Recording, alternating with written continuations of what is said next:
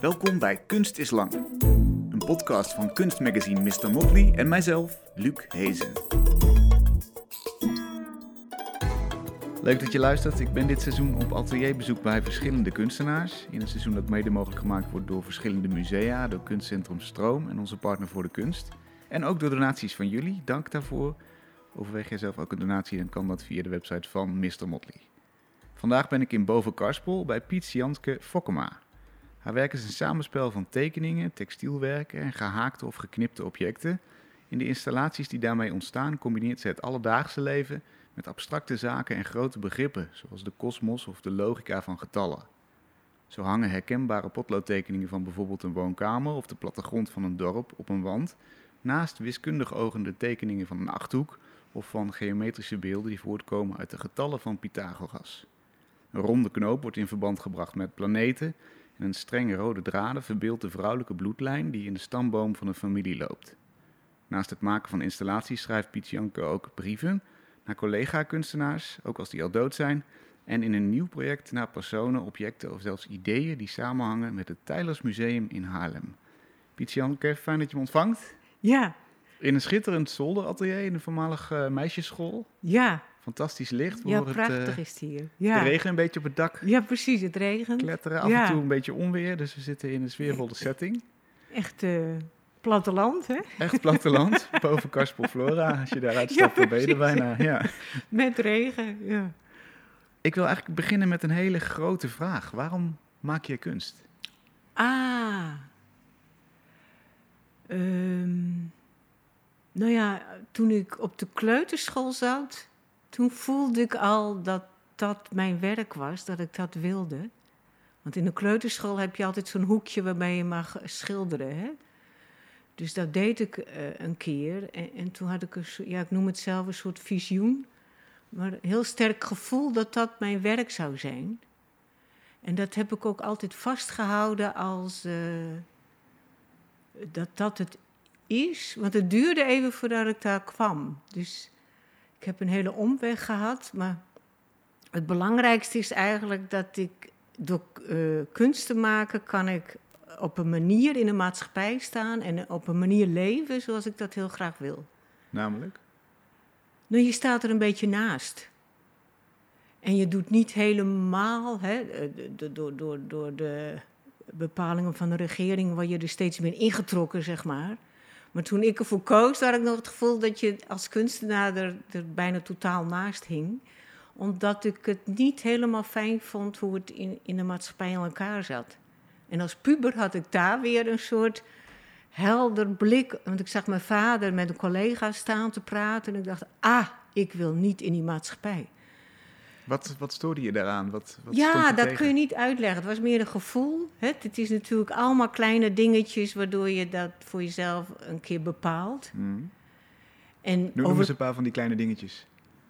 Nou, ik vond dat eh, volwassenen niet eerlijk waren. Alsof ik zag dat ze A voelden en ze zeiden B, zeg maar.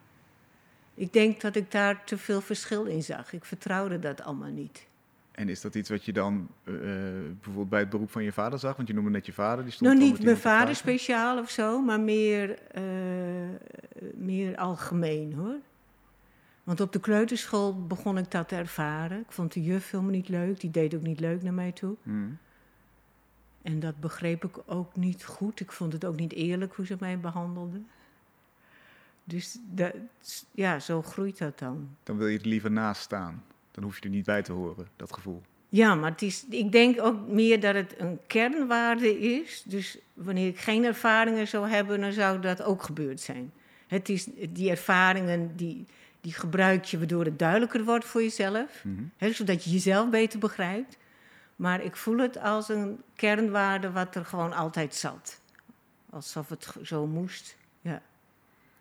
Maar wat is er dan zo, zo prettig aan om naast die maatschappij te staan? Kan ook een Omdat je dan zijn. kunt reflecteren. Oh ja. Ik vind kunst ook een gebied waarbij je eh legaal ma- ma- mag reflecteren op het leven. En anders moet je je bezighouden met de, de, de directe winst van het bedrijf, ik noem maar iets. Hè. Dus dan, dan heb je daar geen tijd voor, zeg maar. Ja. Hè, dan moeten er hele andere dingen gebeuren. En dat is prima. Dat, dat zij dat doen, maar ik, ik had behoefte om, om met het leven bezig te zijn. En ook omdat ik dat eh, eigenlijk veel waardevoller vind. En, dus ik zag niet de waarde van, van eh, in zo'n bedrijf werken. Of, eh,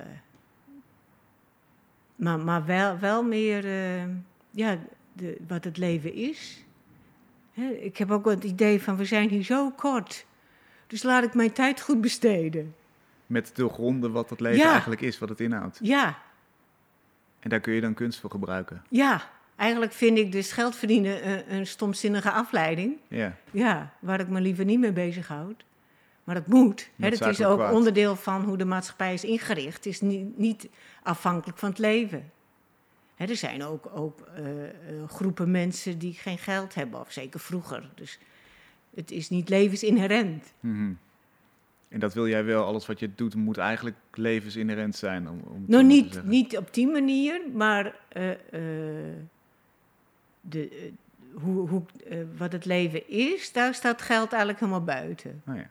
Kijk, het, eh, het, het zit in onze maatschappij, dus in die zin zit het er wel weer bij natuurlijk. Hè?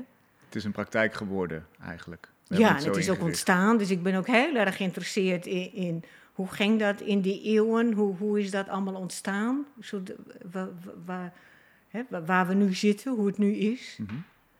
Dus ik ben ook heel erg geïnteresseerd in die onderliggende structuren. Dus je noemde ze net de wiskunde. Dus daar heeft dat ook mee te maken. En dat is ook met het leven. Hè. Er zit een soort onderliggende structuur in. En net is in de natuur hoe alles groeit. Bijvoorbeeld de melkweg die heeft een spiraalvorm. En dat zit ook weer in die schelp. Of in, in hè, zeevormen. Mhm. Dus die overeenkomst, dus die krachten zijn hetzelfde. Ja, Terwijl precies. wij als mens kunnen we dat niet voorstellen. Dat, hè, want de, de melkweg is e- echt ver weg en we snappen niet eens wat het is. Maar die krachten zijn hetzelfde en dat vind ik zo fascinerend. Dus de onderliggende structuren, daar, daar ben je op uit. Die, die wil je Eigenlijk ja. blootleggen. Ja, En hoe kan kunst daar dan in helpen? Hoe doe je dat via tekeningen, via knipsels, via textielwerken? Ja het zijn, je hebt het spoor van eh, erover nadenken. Mhm. Dus gefascineerd zijn eh, bijvoorbeeld in, die structuren. En daarnaast is het werk, en dat heeft een vorm of kleur, hè, en dat heeft weer zijn eigen dynamiek. Dus soms is het letterlijk een afgeleide. Mhm. Hè, bijvoorbeeld wanneer ik zo'n schelp teken, Ja. hè, dan fascineert mij die, niet alleen die schelp en die spiraal, maar die samenhang met andere zaken, met het heelal of zo. Maar, eh, maar in het werk is het meestal ook, hè, heeft het weer, weer zo'n eigen weg hoor.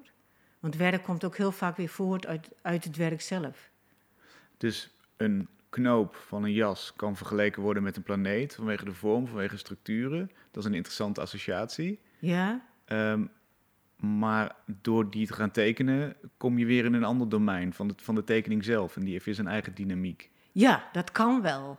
Maar, hoe, hoe kun je dan kunst gebruiken om de wereld beter te begrijpen? Dat vind ik een interessante stap. Dus ik, ik snap dat je zegt, ik ben heel benieuwd naar de structuren onder het leven. Die wil ik graag blootleggen, begrijpen. Maar hoe kun je nou kunst inzetten om dat te doen? Je, omdat je leert van je werk. Je, je maakt een werk en dan kijk je daarnaar en dan verschuif je dat op de wand en het hangt naast iets anders. En daar zit informatie in, daar leer ik van. Dus dat geeft me weer nieuwe inzichten. En niet zozeer het inzicht van Eureka, ik weet hoe het heelal werkt of zo. Ja. Zo, zo is het niet. Maar eh, hè, je, je, je draait er wat omheen en het zijn kleine inzichten. Of, of, ja, die hele dynamiek, ja, ik vind dat, dat gewoon heel fijn om daarmee bezig te zijn. Heb je een voorbeeld van zo'n inzicht? Als je aan het schuiven bent op de wand, we zien heel veel vrije wanden hier, waar veel, eh, nou, een tekening hangt, dan weer een textielwerk. Wat voor kennis komt er boven in het verschuiven en plaatsen van die werken? Ehm, dat is een beetje lastig te duiden, ja. Probeer eens. Nee, ik kan bijvoorbeeld wel zeggen dat, dat eh, uit een oude tekening bijvoorbeeld... had ik een keer gemaakt van de maanstanden. Dus gewoon rondjes en dan heb je de maan die, die eh, vol is en dan leeg. Hè, eh, zo. Alle stadia van de maan. Dus, ja, precies. Halve maan en zo. En toen dacht ik op een gegeven moment: hé, hey, wat leuk die tekening, ik ga dat 3D maken. Dus dan heb je uh, dat, die maanstanden als bolletjes aan de muur met spelden. Dus dat komt van de muur af, hè, het is ruimtelijk. En dat geeft totaal ander zicht op wat het eerst was. Dus het komt ook helemaal los van het onderwerp maanstanden. Hè. Dat zijn gewoon een cirkel met bolletjes. Dus het heeft weer een, een nieuwe informatie die weer verder rolt naar weer, ook weer ander werk. Dus eh, zo ben ik weer een tekening gemaakt van dat ding aan de muur, omdat die schaduwwerking erbij komt op de muur mhm. vanwege het licht. En dan krijg je weer een tekening die weer heel anders is dan die oorspronkelijke tekening. Dus, het dus is een soort bewegen door het duister eigenlijk. Dus van, van, het ene, van het ene werk naar het andere. Ja, het komt heel vaak voort uit, uit het werk zelf. Ja. En soms dan pak ik een materiaal. Ik ben bijvoorbeeld nu recent bezig met een soort plastic. Het ziet eruit als papier, maar het is plastic. Nou, het werkt ook weer totaal anders. Dus omdat het anders zich gedraagt, krijg ik zelf ook weer ander werk. En dat is eigenlijk informatie die zit in materiaal, in, in hoe je iets. In de ruimtelijkheid en in, in, in, soms de verhalen. Hè? Want bijvoorbeeld die knoop die had een hele andere aanleiding. En dan krijgt het een, binnen mijn werk een, een hele andere dynamiek. Het wordt nu voortdurend verbonden met het heelal, maar de aanleiding was eigenlijk totaal anders. Ja, laten we het daar dus- eens over hebben. Je had in 2017 een tentoonstelling in het Fries Museum. Ja. En daaruit volgde in 2019 een boek. Ja. Uh, Utritsk, ik weet niet of ik het goed uitspreek. Utritsk, ja, ja dus ging Fries woord. Ja. Betekent zoiets als uitheems of uitzonderlijk. Uh, eigenaardig. Eigenaardig, ja. eigenaardig. En over, gaat eigenlijk over het leven van laten we zeggen, de vrouwelijke lijn in jouw geschiedenis. Je moeder, je oma, de moeder van die oma. En hoe jij daar weer uit voortkomt natuurlijk. Wat, wat ben je over die familielijn te weten gekomen? Um, nou ja, het, het, het, het, had eigenlijk al een begin, want mijn naam komt uit de vrouwelijke lijn. Dus de naam van mijn twee broers en zus, die komt uit de vaderlijn. Dus mijn naam was als enige uit die vrouwelijke lijn. Mhm. En daar zat iets, iets tragisch omheen, iets donkers. En ik voelde als kind alsof ik dat donker ook meekreeg met mijn naam. Dus dat, dat werd allemaal op één hoop geschoven. Het is een samentrekking van twee namen, geloof ik, hè? Ja, dus ik ben vernoemd gewoon hè, naar, mijn oma en naar een tante. Dus het is heel simpel. In Friesland was het heel, heel simpel. Maar, uh, maar die tragiek, zeg maar, die wilde ik, ik wilde dat meer recht doen. Het klopt natuurlijk niet om iemand af te schuiven omdat er iets gebeurd is. Dus uh, dat was eigenlijk een beetje de motor om hiermee bezig te zijn. Dus om bezig te zijn met mijn oma, of, of uh, al die vrouwen ook vooral in die lijn. Mm -hmm. Om wanneer je daarmee bezig bent, dan wordt het openbaar en dan wordt het ook lichter. Hè? Dan, dan mag het er zijn. Dan hmm. hoeft het niet meer weggestopt te worden. En dan hoeft het ook niet tragisch of donker te zijn. Dus, uh, uh, Want wat was dan het donkere gevoel wat het startpunt was? Kun je dat eens omschrijven? Hoe weet je dat als klein kind? Uh, ja, dat voel je in, die, dat voel je in, in je eigen familie. Maar mijn vader had eigenlijk wat afstand nam die van de familie van mijn moeder. Nou, en dat voel je in het gezin. Dus ja, er werden niet letterlijk rare woorden gezegd of uitgescholden of zo, maar, maar het zit meer tussenin, hè, tussen de woorden of tussen de zinnen. Dus het heeft in ieder geval mij een bepaald gevoel gegeven. En dat neem je dan mee. En, en, door daarmee bezig te zijn en dat te plaatsen in die vrouwelijke lijn. Want je komt uit elkaar voort. Het heeft met elkaar te maken. Dus het mm. heeft geen zin om dat te ontkennen.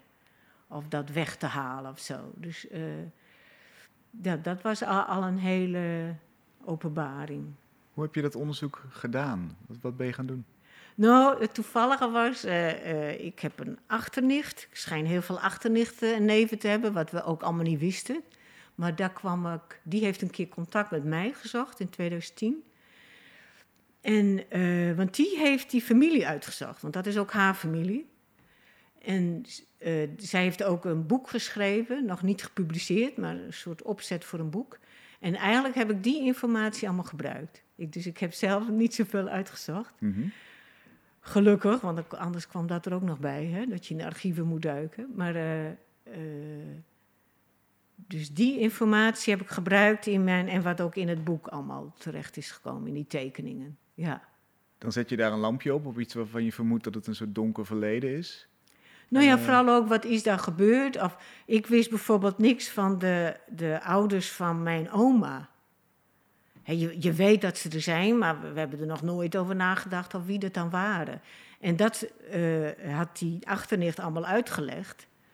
Dus ik weet nu dat er allemaal eh, kinderen waren, dat er ook veel kinderen gestorven zijn en zo. Dus daar heb ik later, na dat boek, weer een werk over gemaakt. Want toen ik. eh, want het, het, werk voor het Fries Museum, dat had ik in 2015 al klaar. Toen, want het was een opdracht en op een gegeven moment moet je die opdracht overleggen. Hè? En in 2017 had ik dan een tentoonstelling. Mhm. Dus toen ben ik dat boek gaan maken.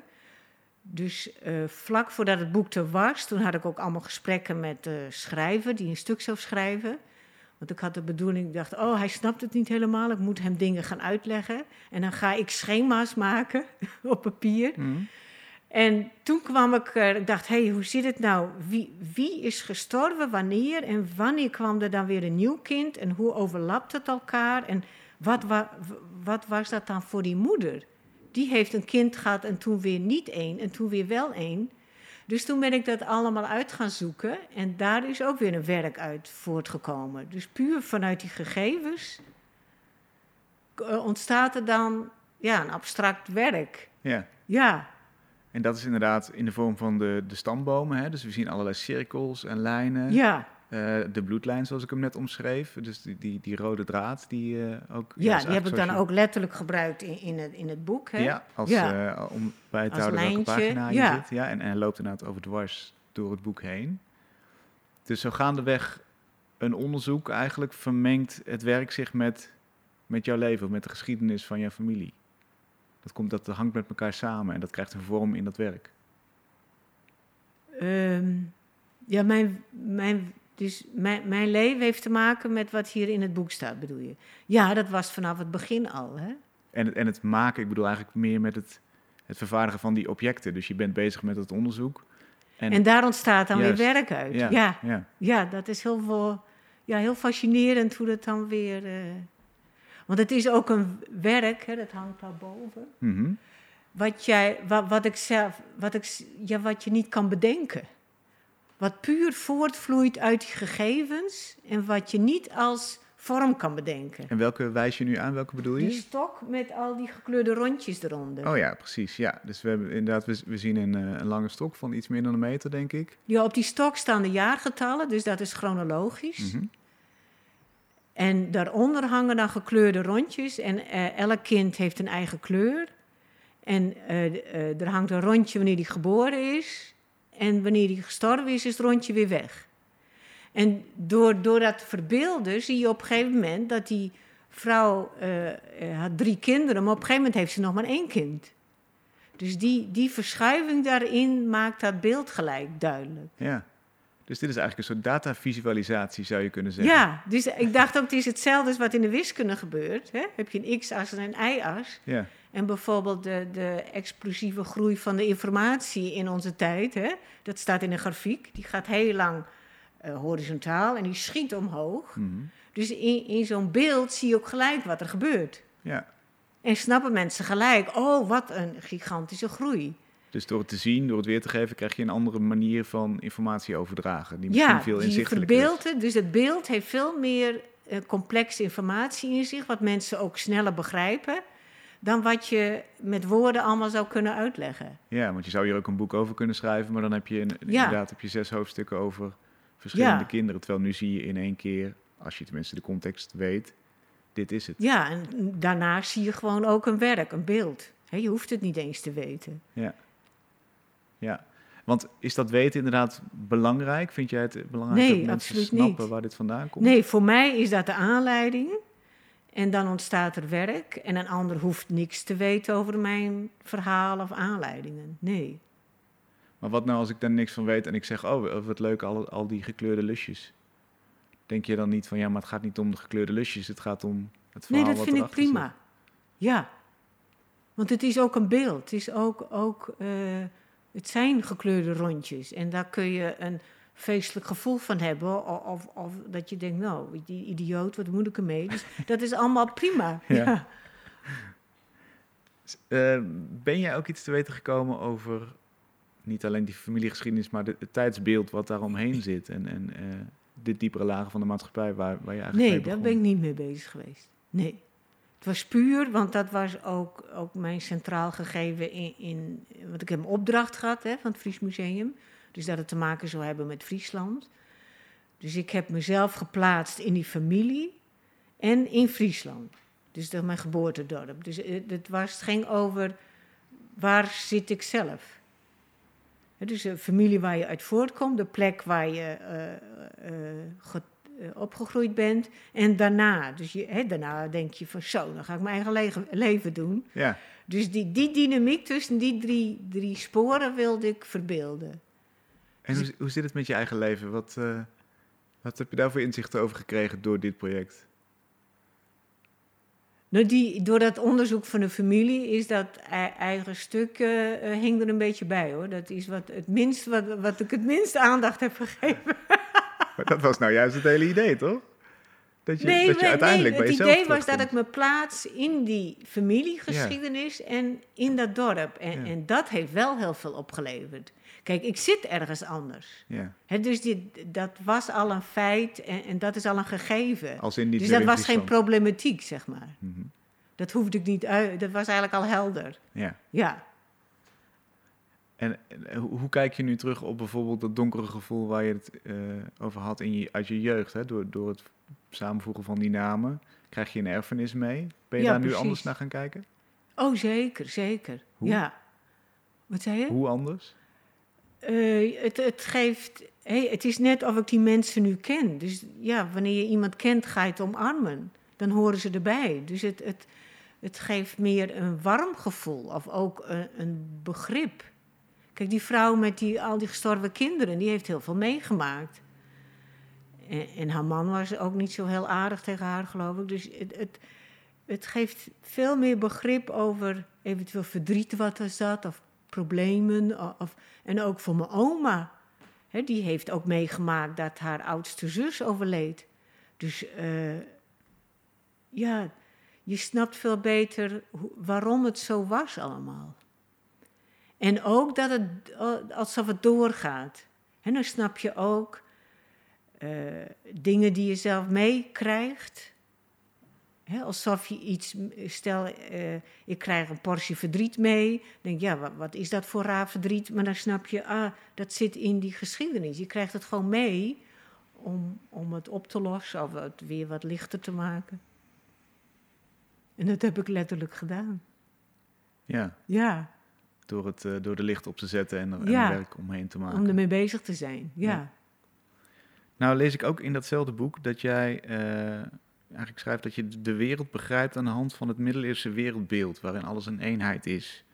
Eh, het kleinste detail van het dagelijks leven tot de uitgestrekte ruimte van een heelal, dat hoort allemaal in één systeem. Zo keken de middeleeuwers daarnaar. Je hebt Ja. de klassieke teksten, je hebt de Bijbel en je hebt de eigen waarneming. Die drie bronnen die vormen wat je snapt van de wereld. Ja. Waarom is dat middeleeuwse beeld zo belangrijk? Omdat ze inderdaad uitgaan van een eenheid.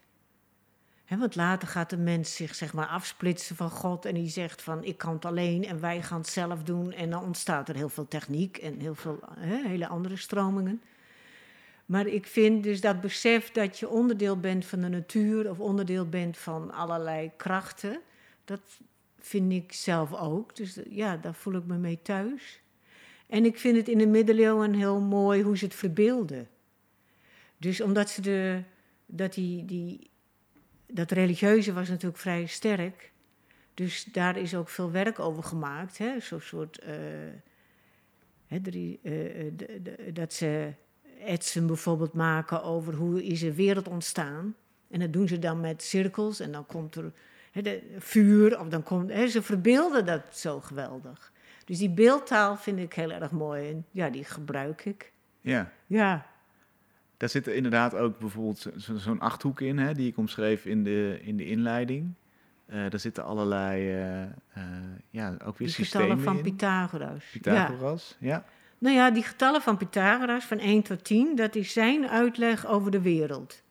Dus 1 is een cirkel met een stip, dus het begin. En 2 is een lijn, hè, van, van, van, eh, eh, van, van punt 1 naar punt 2. En 3 is een driehoek, dus dat is een. 2 is bijvoorbeeld man en vrouw, en 3 is man, vrouw, kind. Dus dan ontstaat er iets in een dynamiek. Mhm. Dus zo heeft hij alles uitgelegd. En vijf is bijvoorbeeld, en trouwens wat hij ook zei, hij, je kan alles maken met een passer en een liniaal. Dus die cirkel en die stip en die streep en die driehoek kun je allemaal meten en dan ontstaat de perfecte driehoek uit die cirkel. Alleen bij vijf is het een ster en die kun je niet maken. Die ontsnapt als het ware, dan past het niet. ja. Dus daar zit als het ware een fout in, alsof er een gat in zit. En dat is precies het teken voor het leven. En die heeft imperfectie nodig om, omdat er voortgang is, hè? dat er voortdurend beweging is. Want iets wat perfect is, dan houdt het op. Dan heb je het perfect, is het afgesloten, dan houdt het op te leven en te bewegen. Dus dat vind ik zo fascinerend, dat het in die wiskunde zit ingesloten dat je die vijf, die, die vijfhoek, die ster niet kan maken. Nou ja, dat, dat, dat is eh, mind-blowing, hè? Ja. Dus dat is eigenlijk een soort alomvattende theorie, die wiskundige theorie en die getallen waaruit je de wereld kunt snappen. Waarmee Ja, waar, waar hij, ja, dat waren voor hem. Hè, de, Pythagoras had ook een eh, secte of een groep om zich heen. En zij mochten die kennis dan hebben en delen. Dus voor hem was dit de uitleg van de wereld, inderdaad. En het, is, het wordt zo mooi verbeeld. Het wordt echt verbeeld met al die cirkels. Ja, Ja, dat vind ik zo mooi. en ook daar zit weer die beeldende kennis in. Ja, daar zit meer in natuurlijk dan, dan wat je allemaal uit kan leggen en vertellen. Wel als je de context snapt. Maar ik kan me ook voorstellen, als je, dat, als je die niet kent, dan zie je gewoon een vijfhoek. Ja, maar dat is met alles. We zien, eh, eh, in feite zien we alle, alles vrij beperkt. En, en oh, oh, bij heel veel dingen zit er een hele wereld achter wat we niet weten of we niet zien. Nee. Ja, Dat, symbolie, dat symbolisch is, is eigenlijk best wel verdwenen uit onze maatschappij, heb ik het idee. Ik, ik hoor niet eh, veel oh, dat mensen zou kunnen inderdaad, ja. op die manier erover praten. Nou ja, de maatschappij is steeds functioneler geworden. Hè, zelfs kunstenaars moeten hun eigen broek ophouden, zeg maar. Mhm. Dus ja, het kan best zijn dat ook het beeldend denken, hè, beeldend met alles omgaan, dat is misschien ook wat, wat eh, magerder geworden. Ja. En dat vind ik juist zo fijn, om bij wijze van spreken overal magie in te zien. Waarom is dat zo fijn? Eh, ja, eh, de- ik, die, in die wereld voel ik me gewoon heel, heel prettig. Het is net of ik me in die maatschappelijke vormen niet prettig voel en in die magische vormen, of, of eh, ja, hoe je het allemaal wilt noemen, wel. die snap ik of zo. Dan denk ik, ja, hier klopt het. En daar zit ook geen. Hè, daar, daar, daar zitten structuren achter. Tenminste, wij als mens kunnen daar structuren uithalen. Mhm. Maar daar zit geen. geen eh, volgens mij zit er geen vijandschap in. Misschien is dat het wel hoor. Dat, hè, wat mensen elkaar aandoen, dat. eh, nou, berg je maar. Dus eh, dat is niet in die, die andere. Dus de, meer de achterliggende structuren. Dus een soort van logica, een alomvattende logica. Daar is geen, geen plek voor vijandschap of voor. Nee, volgens mij niet. Kijk, de natuur zit zo in elkaar dat het. eh, eh, ze moeten elkaar eten, maar ze houden elkaar ook in stand. Er is geen enkele soort, volgens mij, die, die, die erop uit is om een andere soort te vernietigen en, en uit te laten sterven. Want ze, ze hebben elkaar nodig. Hmm. De leeuw kan maar misschien met gemak eh, eh, alle beesten uit laten sterven door zijn krachten, maar dat gaat hij niet doen, want heeft hij volgend jaar geen eten. Dus daar zit zo'n mooie samenhang en dynamiek in, wat ze in de wetenschap ook steeds meer gaan ontdekken. De, want dat vind ik ook zo mooi. Vroeger had je Darwin, de survival of the fittest. En dat heeft meer te maken met ons denken, hoe wij in de wereld staan, dan met de werkelijkheid. In de jaren 70 was er een bioloog, een vrouw, die heeft ontdekt dat het in de natuur gaat het over samenwerken. En daar, je ziet ook dat we daar steeds aan toe zijn om dat te zien. Het is allemaal samenwerken in die natuur. In plaats van strijden tegen. In plaats van survival of the fittest. Dat is het helemaal niet. Dus dat is ook een beeld, ook Mhm. een wereldbeeld. Mhm. Dus ook bij al die beelden vraagtekens zetten van, eh, ja, dat vind ik interessant. Ehm, laten we het eens hebben over het, het schrijvende werk. Want eh, naast ja, je de beeldende brieven. werken... Ja, ja, schrijf je brieven naar kunstenaars die je interessant vindt. Ook als die al dood zijn. Bijvoorbeeld Da Vinci, Leonardo da Vinci. ja, dat was binnen een, een tentoonstelling hoor. Ja. En dat is ook ontstaan weer vanuit een externe factor. Die tentoonstelling ging over dialogen. En toen had ik bedacht, oh, ik ga brieven schrijven. En, eh, want ik heb laatst een schema gemaakt. Ik dacht, ik wil even weten hoe het allemaal samenhangt met elkaar. Wanneer ben ik iets gaan doen en waarom en hoe kwam dat dan? Mhm. Want bijvoorbeeld het overlijden van mijn moeder heeft er toen voor gezorgd dat, dat ik die opdracht kreeg in het Fries Museum en dat, dat dit geworden is zoals het is geworden. Maar dat heeft volgens mij ook toen gezorgd dat, dat ik, alsof ik een ontroering bij mezelf kon toelaten, waardoor ik ook die brieven kon schrijven. Of waardoor ik dat kon voorzien om die brieven te gaan schrijven. Want tegelijk met eh, dat of niet echt tegelijk, maar hetzelfde jaar. Mijn moeder was overleden en in, in het najaar ging ik met mijn broer notabene eh naar Venetië, naar die biennale. En toen had je toevallig, gelukkig, eh, heel veel outsiders. Dus kunstenaars ook wel, of kunstenaars die vergeten waren, of, of toen niet zoveel aandacht kregen. En ook echte outsiders, hè, die ergens midden in Amerika eh, houten dieren gaan snijden. Of, nou, ik vond het gewoon een feest, omdat het, eh, eh, het was zo ontroerend. Dus het past ook precies bi- binnen de, de vibe waar ik zelf toen in zat. Dus toen ben ik na afloop ook op een groot blad papier allemaal genoteerd. Al die kunstenaars die ik leuk vond en onthouden heb. Dus zo kwam ik ook op die Artobispo do Rosario uit Brazilië. Die in Brazilië net zo beroemd is als bij ons Van Gogh. Mhm. Heeft een eigen museum daar. Heeft een, een heel schrijnend leven. Dus gewoon dat al. Maar via hem kwam ik dan weer op die knopen terecht.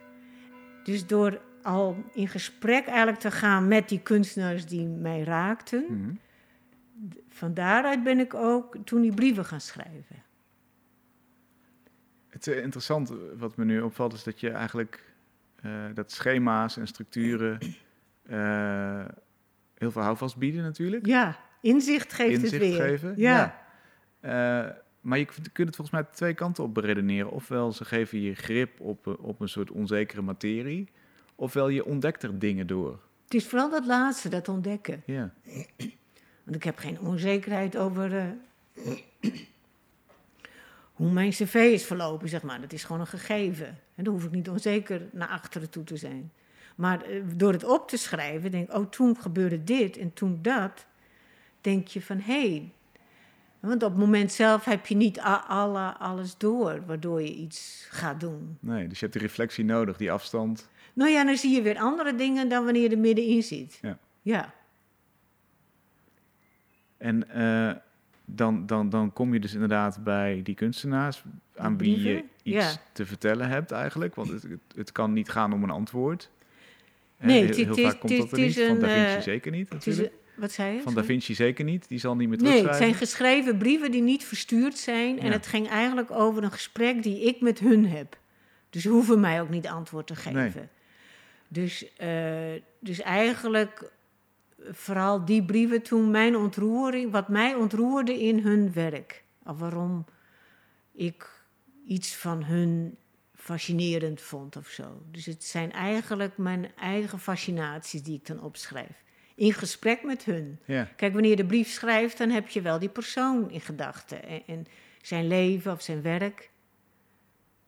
Wat gebeurt er eigenlijk met al die verslagleggingen van een leven? Kijk, jij hebt nu bijvoorbeeld alle levens van de vrouwelijke lijn uit je familie nou, vastgelegd en plek gegeven. het is er omdat het is vastgelegd en gezien. Hè? Dat geeft het een bepaalde waarde. Wat, wat, wat hoop jij dat van al dit werk wat jij nu gedaan hebt, dat er, dat er over 100 jaar nog over is? ben je daarmee bezig? Nee. Nee. Want het is een soort verslaglegging natuurlijk. Of is het alleen nu relevant? Ja, het is alleen nu relevant. Nee, dat, dat vind ik zo'n rare vraag. Dat, dat is. eh, eh, Hoezo is dat een rare vraag? nou, eh, raar om daarmee bezig te zijn. Nee. Ja. Want dan, treed je er ook uit. Alsof iets wat ik nu moet, wat is de waarde voor later? Dat, Ja. dat weet je niet. En dat interesseert me ook niet. Ja. Kijk, wanneer mijn ontroering oprecht is, eigenlijk is dat het belangrijkste. Dan communiceer ik op dat moment met, met iets, hè, met iemand. Mhm. Gewoon dat te doen, vind ik eigenlijk al de waarde. Alsof ik eh, die, die geestelijke waarde, gewoon dat ik dat gedaan heb, hè, dat, dat, dat dat er was, alsof dat wel altijd blijft bestaan. Ja, ja dus, dus ergens zit die eeuwigheid er wel. Ja, alsof dat, dat allemaal er is. Ja. Op die manier leg ik ook verbindenis met eh, vroeger, hè, met, met andere tijden. Omdat in mijn gevoel is het er allemaal nog. Dat ligt daar gewoon. Dat is niet weg. Als een soort kanaal waar je in kan tappen en waar je een gesprek kan voeren. Ja, je zou bijna kunnen zeggen alsof zij nu ook leven, maar dan daar. het is levendig, het is aanwezig. Ja, Ik heb niet het gevoel van, oh, wij zijn nu. Hè, vooral zo wordt er met de middeleeuwen omgegaan. Hè, dat is zo'n stomme, donkere tijd en wij zijn geweldig. Nou, zo denk ik al helemaal niet. Hè. Wij zijn nu mens en zij waren dat toen ook. Die verschillen zijn niet zo groot. Dus wat zij, ja. Het is vooral die aanwezigheid van alles. ja, en daar kun je nog steeds verbinding mee maken. nu, Ja, vanuit precies. deze tijd. Ja, Je gaat het ook doen eh, in een speciaal project samen met Mr. Motley eigenlijk. Het verslag daarvan is ook te, te lezen op de website van Mr. Motley in het Tijdens Museum in Haarlem. Je, Ja. gaat, gaat brieven schrijven. ja. Vertel, wat ga je doen? Ehm, ik ga, eh, eh, ja, ik ga een soort uitzoeken.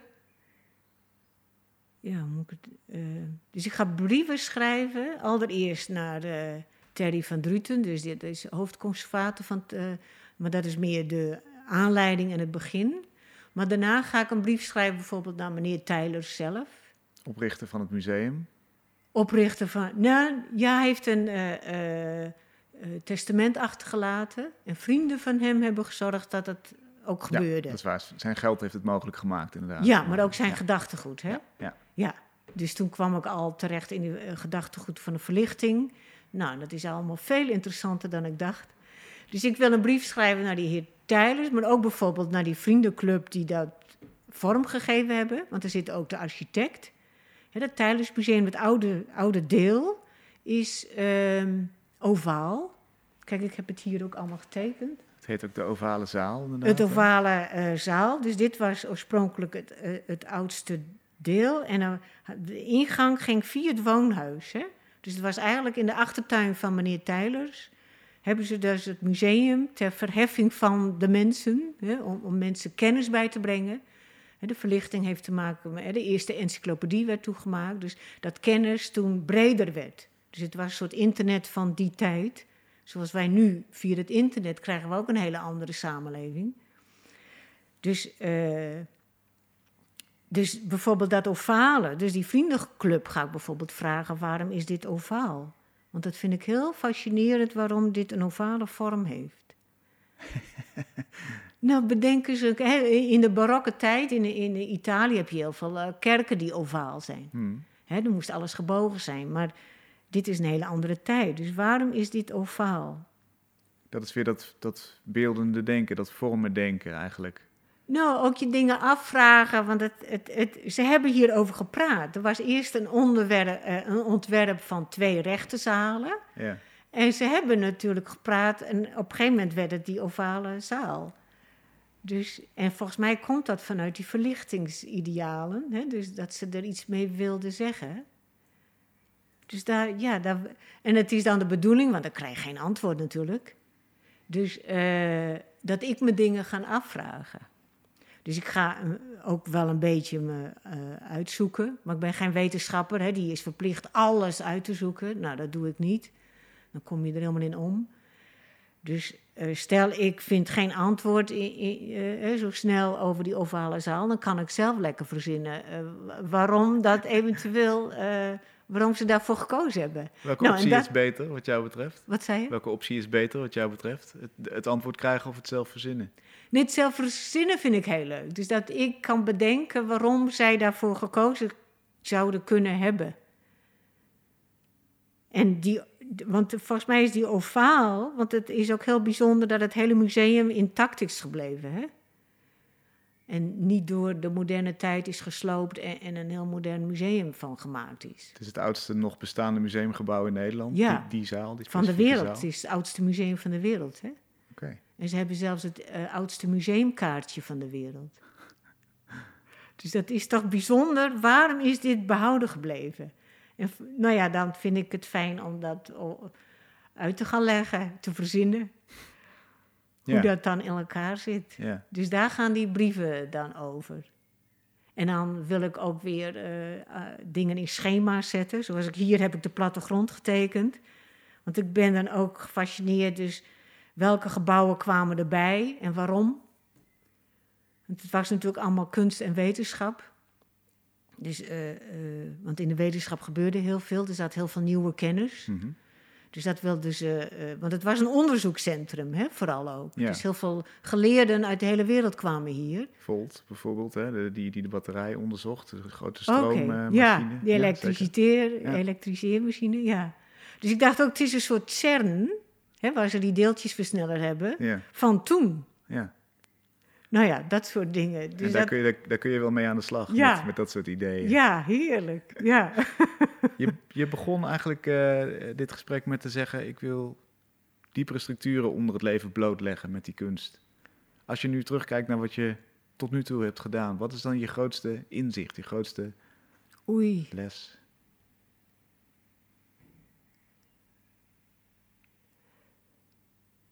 Nou, dat ik misschien wel steeds eh, dichter of eh, die eenheid, eh, hè, die verbondenheid met alles, dat wordt steeds meer een aanwezigheid.